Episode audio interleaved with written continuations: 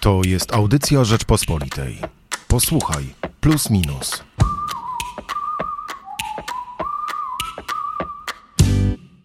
Dbaj o historię, bo zginiesz.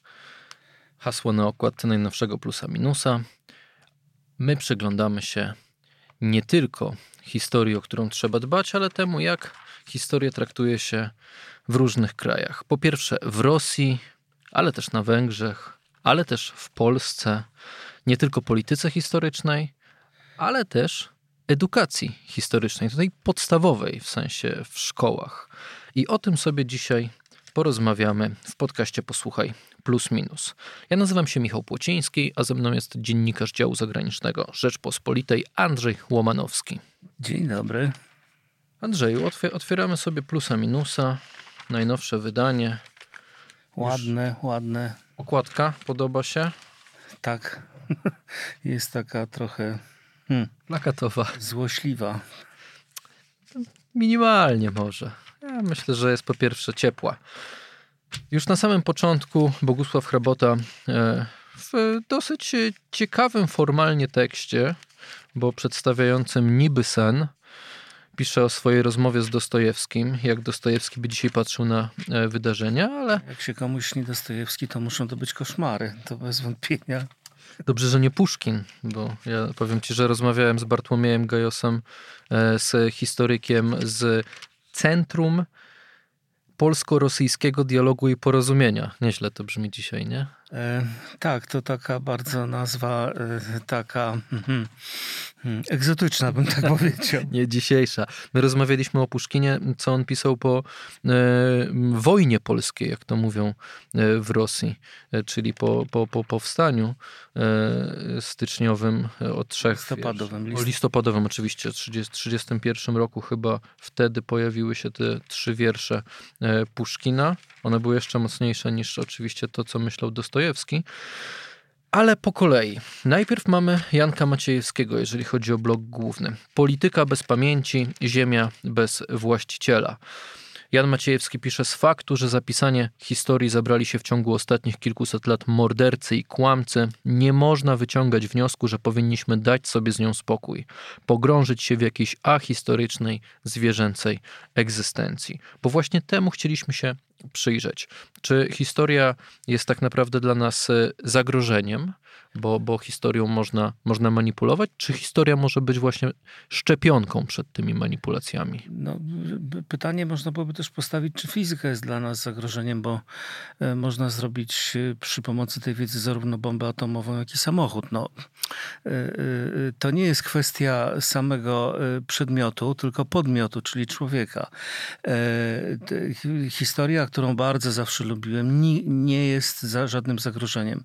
Tyle tylko, że jej poznawanie chwilami jest bardzo nieprzyjemne dla mm, poszczególnych osób identyfikujących się z różnymi wspólnotami, e, grupami społecznymi czy narodami, jak w naszym przypadku.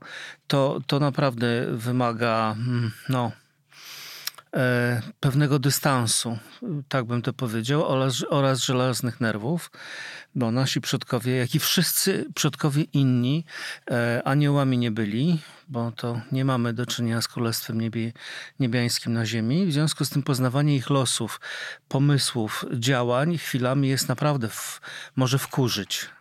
To wiesz co, mamy o tym reportaż. Reportaż tak naprawdę zbudowany na, e, na kanwie rozmów z dwoma historykami, z historykami uczącymi w liceach.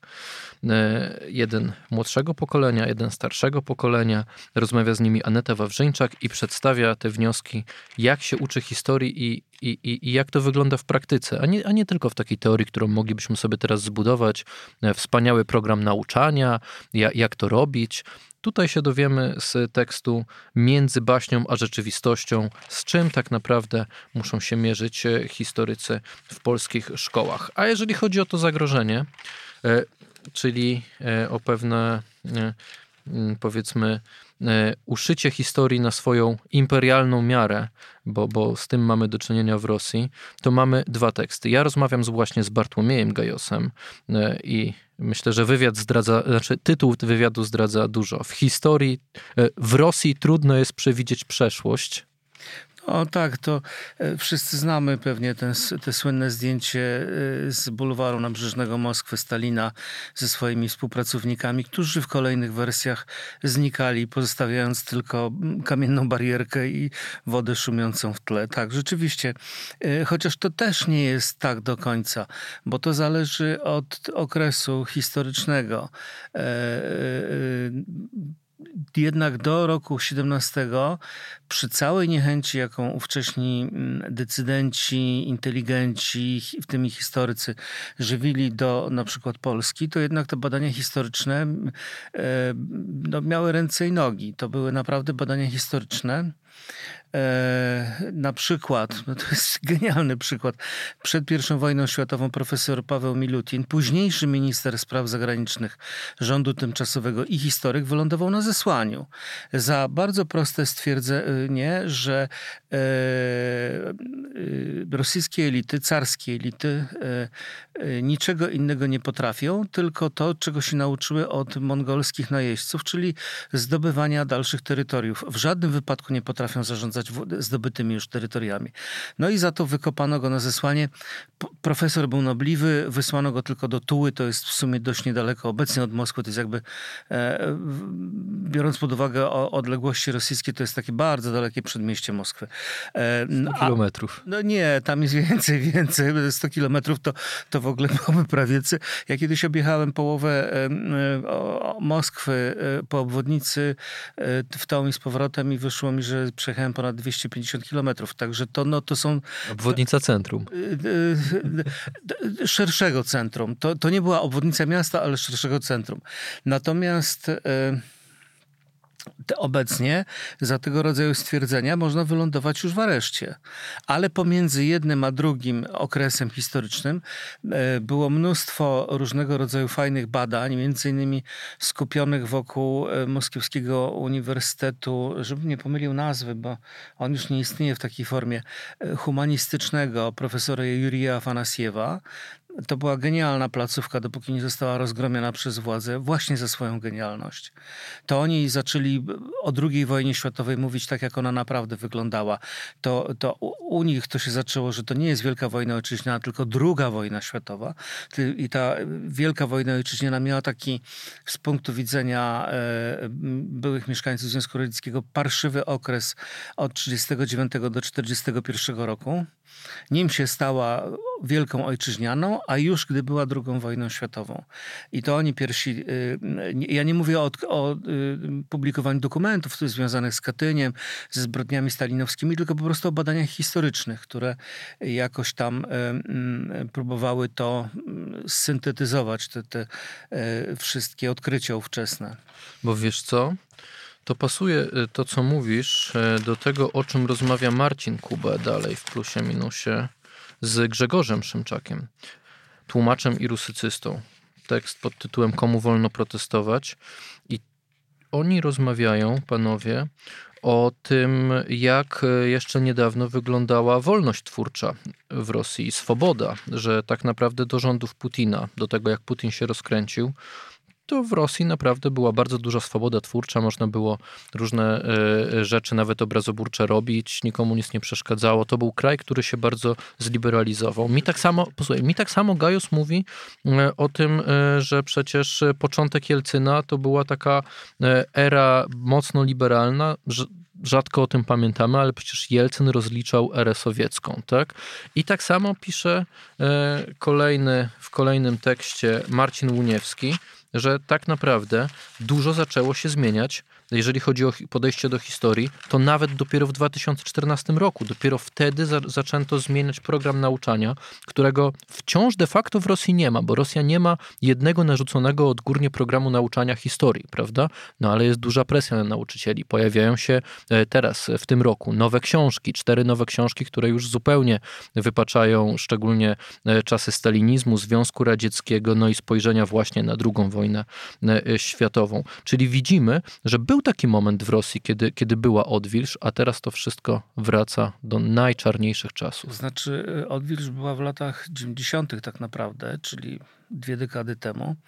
Pamiętam. Trzy już. No tak, to trzecia dekada. Pamiętam, byłem w Moskwie y, na początku rządów Putina i y, w momencie, w którym on obejmował władzę, y, rozmawiałem z historykami zajmującymi się Polską i oni byli przerażeni i pytali mnie, czy y, przy, będą mogli z, znaleźć y, azyl w Polsce, y, ponieważ Putin jeszcze nic nie powiedział. W ogóle omijał tematy historyczne, ideologiczne, propagandowe. On tylko mówił, że trzeba zrobić porządek w kraju, a oni już wiedzieli, jak to będzie wyglądało.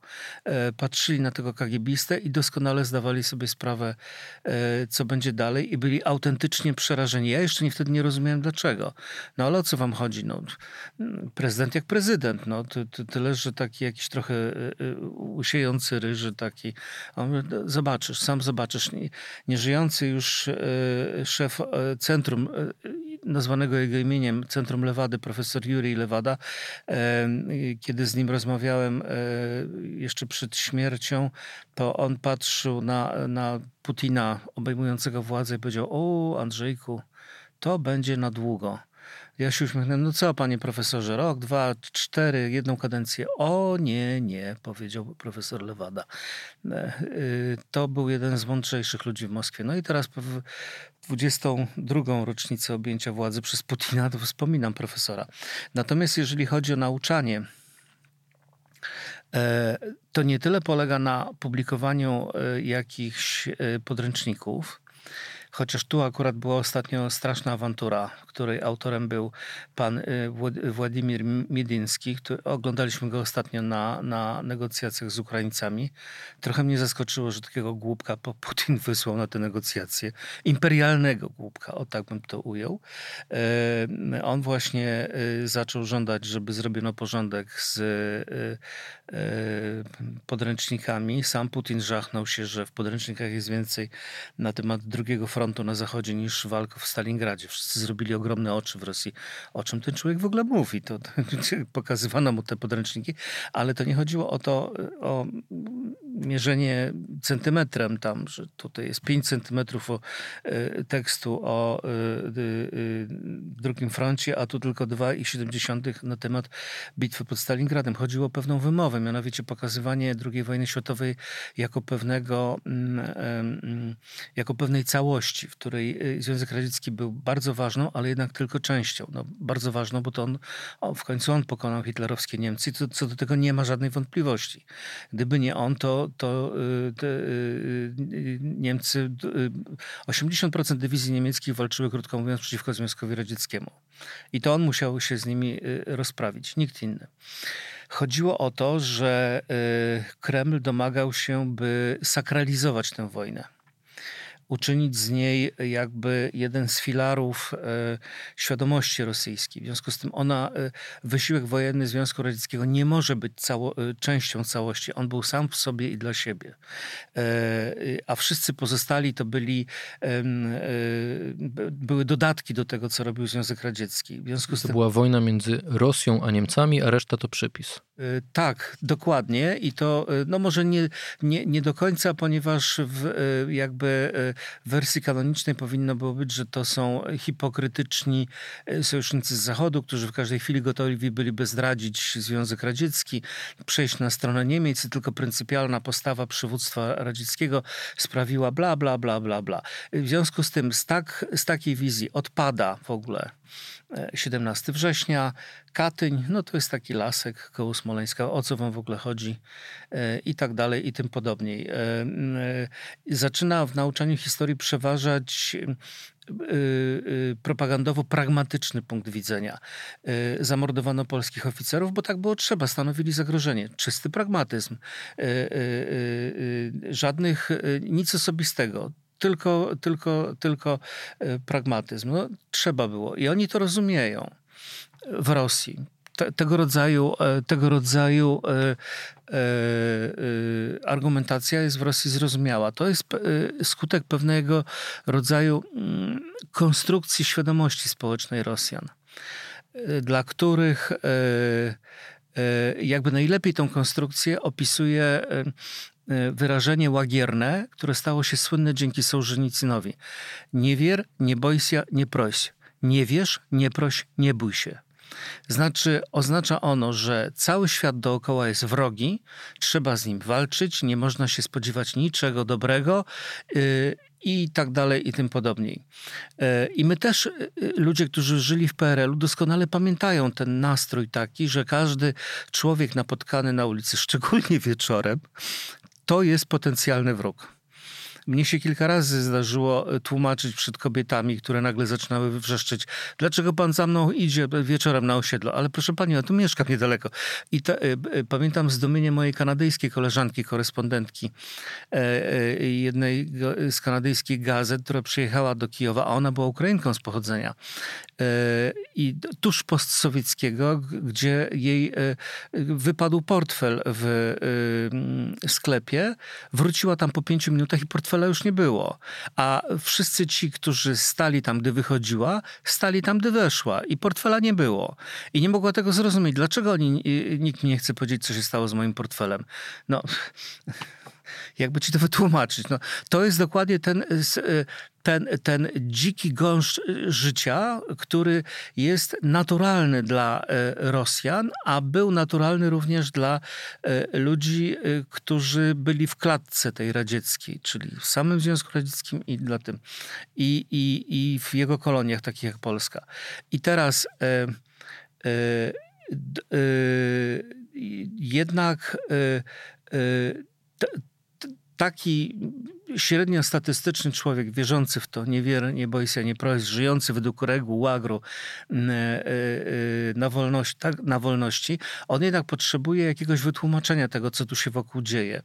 I kiedy ideologowie wychodzą do niego i mówią, ty tak naprawdę jesteś dobry, miękki, masz czułe serce, to on mówi, tak, i ja nigdy nie prowadziłem żadnej wojny zaborczej, nikomu nie dałem popysku od tak sobie, zawsze był jakiś powód. Na końcu tego wywodu mamy taksówkarza, z którym kiedyś jechałem przez Moskwę, który mówił do mnie a propos o polskich ofiar e, terroru stalinowskiego. No ale czego wy chcecie od nas? Oni nie zostali zabici za nic. Każdy z nich miał wyrok i tam było napisane, za co został zastrzelony. Był jakiś powód, dla którego ich zabito. No i y, to jest właśnie ta cała mieszanina e, takiego... Takiej kultury. Bardzo dobrze to y, zdaje się, dobrze byłoby przed zapoznawaniem się z Rosją przeczytać książeczkę wojskową Antka Pawlaka, wydaną jeszcze mm, e, e, w podziemiu w latach 70. o tym, jak wygląda kultura e, poborowych Ludowego Wojska Polskiego.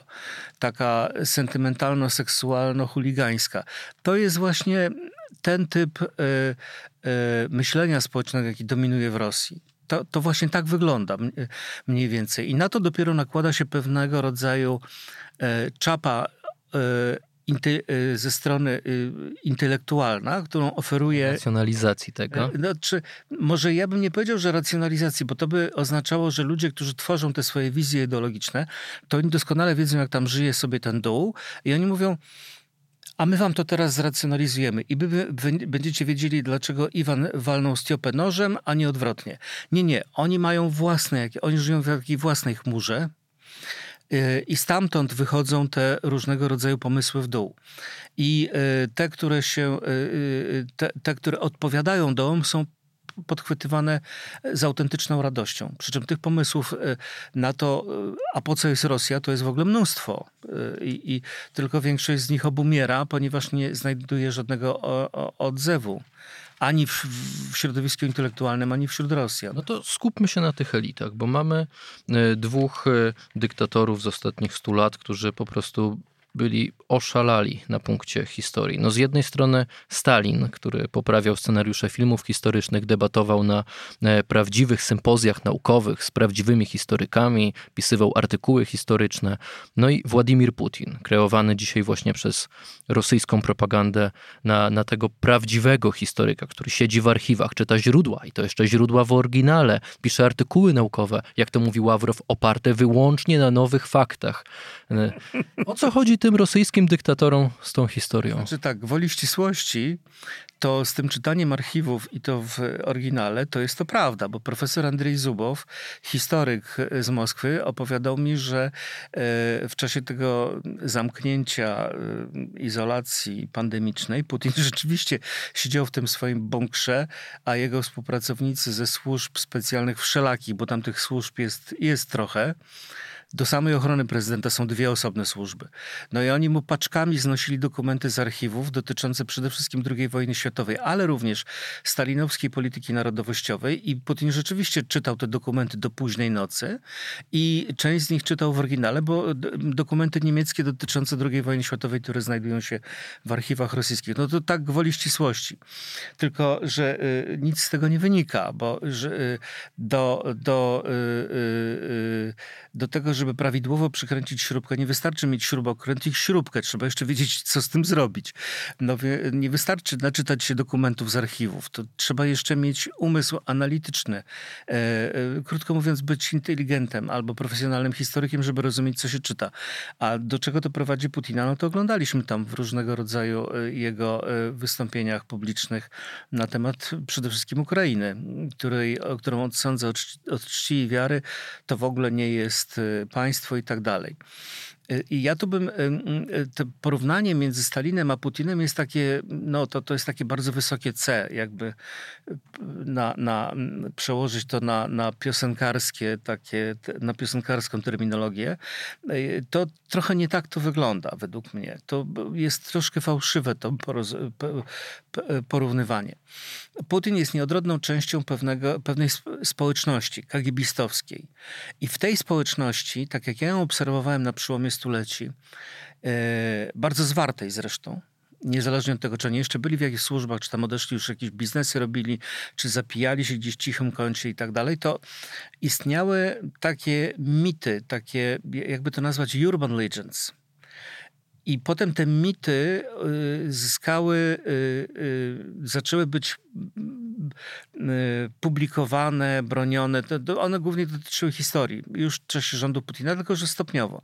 Jednym z nich na przykład było coś takiego. Siergiej Jesienin był prawdziwie rosyjskim poetą o rosyjskiej duszy, dlatego został podstępnie zamordowany przez czekistów żydowskiego pochodzenia, którzy się go bali. I mamy tutaj serial nakręcony chyba 10 lat temu na temat Jesenina i to jest dokładnie według tego schematu. Tylko tam nie jest wprost powiedziane, te paskudne Żydy go zamordowały, tylko jakby wokół tego kręcimy się, wokół tej idei głównej. E, potem na przykład była druga taka legenda, że e, wielki wódz, przywódca, e, menedżer Josif Stalin został zamordowany przez Żydów. I miał tego dokonać y, y, Beria, który był y, gruzińskim Żydem, a to wszystko dlatego, że Stalin przygotowywał czystkę kosmopolitów i na mm, bocznicach kolejowych Moskwy stały już transporty, które miały wywieźć Żydów na Syberię. To, zdaje się, tego rodzaju legenda nie, nie przebiła się w żaden sposób do świadomości społecznej, choć była w tu y, różny, przez różnych tam e, e, personel obsługujący tę, tę, tę, tę społeczność kagibistowską podawana w różnych formach, ale to jakoś się nie, nie, nie e, żadna książka nie powstała, żaden film, żaden serial. To jednak tu się żachnęli, że tego rodzaju bzdury to już naprawdę za dużo i ten. I takich, takich legend było mnóstwo. Jedną z nich jest to, że nie istnieje żaden naród ukraiński, to jest tak jak i białoruski, bo zauważmy, o Białorusinach w ogóle nic nie mówią. Bo no, ale mówi się o trójdzielnym narodzie ruskim. No tak, ale cały czas y, y, ten y, wylew dobroci dotyczy Ukraińców, a nie Białorusinów. To jakby takie stwierdzenie, a tu w ogóle nie ma o czym gadać. Tak. I że nie ma żadnych Ukraińców, są tylko banderowcy, którzy mieszkają na zachodniej Ukrainie, a reszta to są nasi. E, I to jest też taka jedna z tych legend tego środowiska karibistowskiego.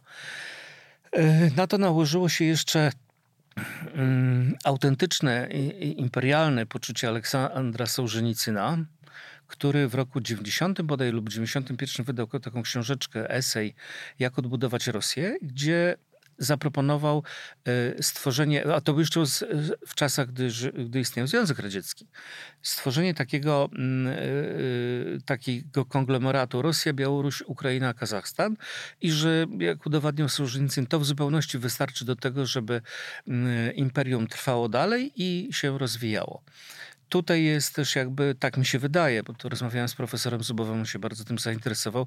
Ciekaw jestem, co z tego zainteresowania wyniknie. Mnie się wydaje, że tu y, y, jest tajemnica przyjaźni kagebisty Putina z łagiernikiem, byłym łagiernikiem Sołżenicynem, który y, do końca życia Sołżenicyna jakoś tam bzyczał wokół niego, zachodził do niego, to temu, tym wizytom poświęcone były reportaże telewizyjne, pokazywano to w wiadomościach różnego rodzaju i tak dalej dalej. Natomiast jeśli nawet by porównywać Stalina z Putinem, no to, no to mm, czy Putina ze Stalinem, przepraszam, w drugą stronę, no to obowiązuje nas stara marksistowska definicja. Za pierwszym razem historia to tragedia, za drugim razem to farsa. Niezależnie od tego, że y, za tę farsę zapłaciło życiem kilkadziesiąt tysięcy osób. Czy to zamordowanych na wojnach w Gruzji, na Ukrainie, czy też pomordowanych jako przeciwnicy Putina w różnych tam no, mamy jeszcze Czeczenię. No tak, tak, mamy Czeczenię. Rzeczywiście, zupełnie o tym zapomniałem. Ta pierwsza jakby konstytutywna wojna reżimu putinowskiego.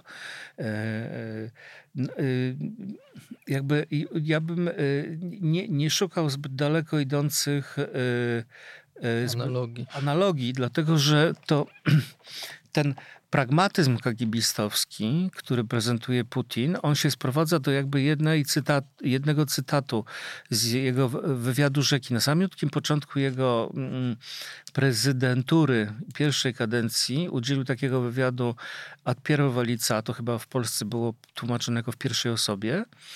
I on tam w pewnym momencie powiedział dziennikarzom, pracować należy tak, żeby uszy nie sterczały. Znaczy chodzi o to, żeby y, były rezultaty, ale nie widać było sprawcy. E, to w żaden sposób nie daje się to przełożyć na, na, na stalinowskie czasy. E, tam e, nikogo nie interesowało, że, że, czy uszy sterczą spod tej czapki, czy nie. Czapka była sunięta na tył głowy i, i już. Natomiast Putin przez te dwie dekady straszliwie kombinował, żeby ukryć cele. No ale wraz z upływem lat to wyłazi z niego jak, jak, jak wysypka na skórze. No, my z Bartłomiejem Gajosem rozmawiamy e, głównie o historii, czyli porównujemy jakby e, różnych rosyjskich władców i ich podejście do historii. I myślę, że najciekawsze, nie chcę tu za dużo zdradzać, żeby zostawić coś czytelnikom, żeby mogli sięgnąć po magazyn plus minus sobie w sobotę, e, ale najciekawsze chyba, najciekawszy chyba jest stosunek e, już otwarcie wyrażany przez e, Władimira Putina e, jego stosunek do Władimira Ilicza Lenina, bo przecież on nazwał Ukrainę, że to jest Ukraina imienia Władimira Lenina e, i Putin tymi słowami wprost jakby pokazuje, że, że to, to państwo w ogóle jest wymysłem Lenina i bolszewicy popełnili mnóstwo błędów. Przecież o, jak już mówimy o Stalinie, to przecież dekretem Stalina tuż po rewolucji październikowej Ukraińcom zostały zwrócone pamiątki historyczne przechowywane w Ermitrażu, które znalazły się tam, jak to napisał sam prawda, Stalin, niesprawiedliwą ręką Katarzyny II. Więc jakby ta historia e, dotycząca szczególnie tego narodu ukraińskiego, ona, ona, ona żyła wśród, e, wśród władców, e, szczególnie bolszewickich, bo Lenin na przykład nie miał żadnych wątpliwości, że taka realna siła polityczna jak Ukraińcy istnieje i że trzeba brać ją pod uwagę.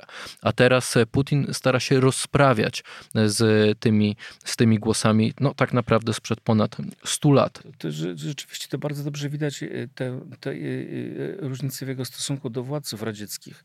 Lenina zdarza mu się krytykować, choć za, za chińskiego boga nie chce, nie chce odesłać tego truchła z Placu Czerwonego na zwykły cmentarz. Natomiast y, Stali, nie ma mowy o krytykowaniu Stalina.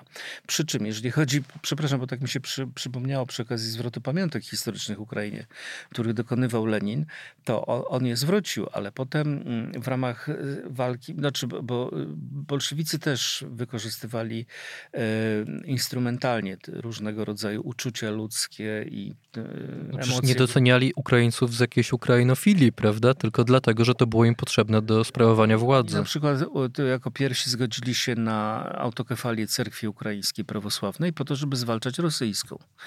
E, a potem, e, a potem i tak zaczęli wysadzać powietrze cerkwie i jednej i drugiej. I między innymi, o ile pamiętam, to był Sobór Michajłowski, wysadzili go w powietrze, tylko że wcześniej był tam jeden z polskich komunistów, który miał nadzorować to wysadzanie tymczasowo e, Paul Rewką. Zapomniałem, jak się nazywał ten komunista. I on zobaczył tam e, mozaiki pochodzące z XII wieku. Kazał je skuć Sobór wysadzono, ale te mozaiki są w tej chwili w Muzeum Puszkina w Moskwie i nikt nie ma zamiaru ich oddawać Ukrainie. Także to jest, e, e, e, to jest ta różnica pomiędzy polityką leninowską a polityką putinowską. Mimo, że ten sobór zdaje się odbudowano, częściowo odbudowano, przepraszam, dawno, dawno nie byłem w Kijowie i nie, nie pamiętam jak to teraz wygląda, te, te wzgórza, na których stały, stały sobory kijowskie Y, natomiast y, y, tak jak zerknąłem na ten wywiad, to tutaj rzeczywiście jest doskonale wytłumaczony problem Putina. Bo on się odnosi do Ukrainy, toute proportion gardée, jak nasi ziemianie w Galicji Wschodniej do Ukraińców. Oni wtedy mówili, że Ukraińcy to jest jakaś austriacka intryga. Nie ma żadnego narodu ukraińskiego. No więc Putin 200 e, lat po nich popełnia dokładnie ten sam, nie, 150 lat po nich, przepraszam, ten sam błąd. I e, równie krwawo za niego płaci.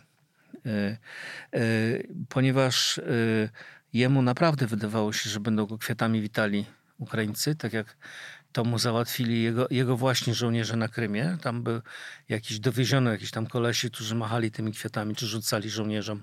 Żołnierze w cywilu, żołnierzom w mundurach rzucali te kwiaty. I jemu się wydawało, że tak te czołgi to będą jak na kronikach filmowych. To jadą radzieckie czołgi w wyzwolonych miejscowościach i obrzucane są kwiatami, że tak to będzie wyglądało. A tymczasem dwudniowa operacja specjalna trwa już ponad miesiąc. Tak, to, tak. Zamiast kwiatów nadleciały dżaweliny. No i tu się...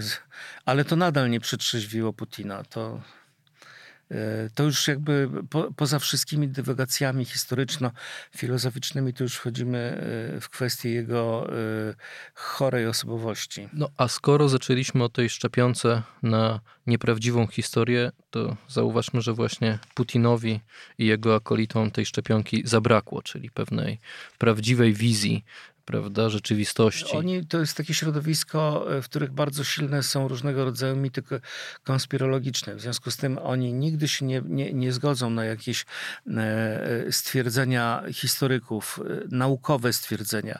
Według obecnie dostępnych danych możemy stwierdzić to, to i to, a tego w żadnym wypadku nie możemy stwierdzić, bo nic na to nie wskazuje.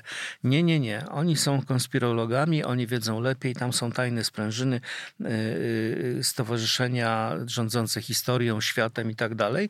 Zresztą on się zaczytywał w tym, e, w te, też jak profesor Zubow mi mówi, to Putin zaczytywał się w tych, tych różnego rodzaju konspirologiach e, tworzonych przez wyższych, bo to tak od generała przyjmuje, wyższych oficerów służb, którzy mu w ciągu dwóch lat przynosili to do bunkra i on tam to czytał, tam różne takie brednie. O Jezu. E, żeby postawić by go jakiej, na jakiejś e, ambonie myśliwskiej, jakby tam sobie postał przez, e, przez noc na wiaterku, to może by mu to trochę przeszło. To w, w tych zakisłych, zakisłej atmosferze bunkra naprawdę można zwariować. Plus, minus. No to podsumujmy sobie jeszcze co można przeczytać w najnowszym wydaniu magazynu Plus Minus, magazynu pod hasłem Dbaj o historię, bo zginiesz. Tak jak na początku mówiliśmy, na początku e, Janek Maciejewski. On otwiera cały blok e, główny, danie główne najnowszego magazynu Plusa Minusa tekstem Polityka bez pamięci, ziemia bez właściciela. Dalej mój wywiad z Bartłomiejem Gajosem. W Rosji trudno jest przewidzieć przeszłość, reportaż Anety Wawrzyńczak między baśnią a rzeczywistością, czyli o trudach nauczaniu, nauczania historii. I Marcin Łuniewski, lekcje z Kałasznikowem w kraju miłującym pokój, czyli jak się zmienia nauczanie historii e, w Rosji. Jeśli chodzi o blok główny, to jeszcze na koniec e, jeden tekścik e, nie o Rosji, nie o Polsce, a o Węgrzech, bo na Węgrzech przecież wybory. Warto się przyjrzeć, jak Orban, ale nie tylko przecież, bo to nie jest wcale wymysł Wiktora Orbana, jak traktują Węgrzy historię, jak ciągle wracają do tragedii Trianon i jak e, podchodzą na przykład do 56 roku. O tym pisze Michał Przeperski w tekście Cierpiący, osobni, wyjątkowi. Jeśli chodzi o to, co się dzieje na wschodzie, Jędrzej Bielecki przygląda się pogromcy rzeźnika, czyli jak sam e, wszedł w tą rolę Joe Biden. I e, myślę, że to jest ciekawy tekst, trochę nawet wstrząsający. 79-letni, poruszający się niepewnie i popełniający co chwilę gafy Joe Biden okazuje się najlepszym prezydentem, jakiego Stany Zjednoczone mogły sobie wymarzyć do, pok do pokonania Władimira Putina, pisze Jędrzej Bielecki. Bo to długodystansowiec, głęboko przekonany do swoich racji, który przygotowuje Amerykę na wieloletnią konfrontację o tym, czym jest ta misja historyczna, e, w którą wierzy Joe Biden. Więcej w tekście Jędrzeja Bieleckiego. Piotr Zaręba przygląda się dalej na naszych łamach temu, co się dzieje w Polsce, czyli logice teatru, która zawładnęła dzisiejszym sporem e, o politykę zagraniczną. Wojna i pokój, tak zatytułowany jest jego tekst. I jeśli chodzi o sprawy rosyjskie, no to jeszcze Marcin Kubę rozmawia z Grzegorzem Szymczakiem, e, tłumaczem, rusycystą w tekście Komu wolno protestować? Zapraszamy Państwa w takim razie do kiosków oraz na stronę rp.pl. Już w sobotę najnowsze wydanie magazynu Plus Minus, jak Państwo słyszą, w dużej części poświęcone e, e, temu, co się dzieje na wschodzie oraz temu, jak dbać o historię, żeby mieć właśnie szczepionkę przed e, historycznymi manipulacjami. Ze mną był dzisiaj Andrzej Łomanowski, dziękuję. Dziękuję bardzo. Ja nazywam się Michał Płociński. No i do następnego podcastu oczywiście zapraszam już w następny piątek. Dziękuję. Słuchaj więcej na stronie podcasty.rp.pl. Szukaj Rzeczpospolita Audycje w serwisach streamingowych.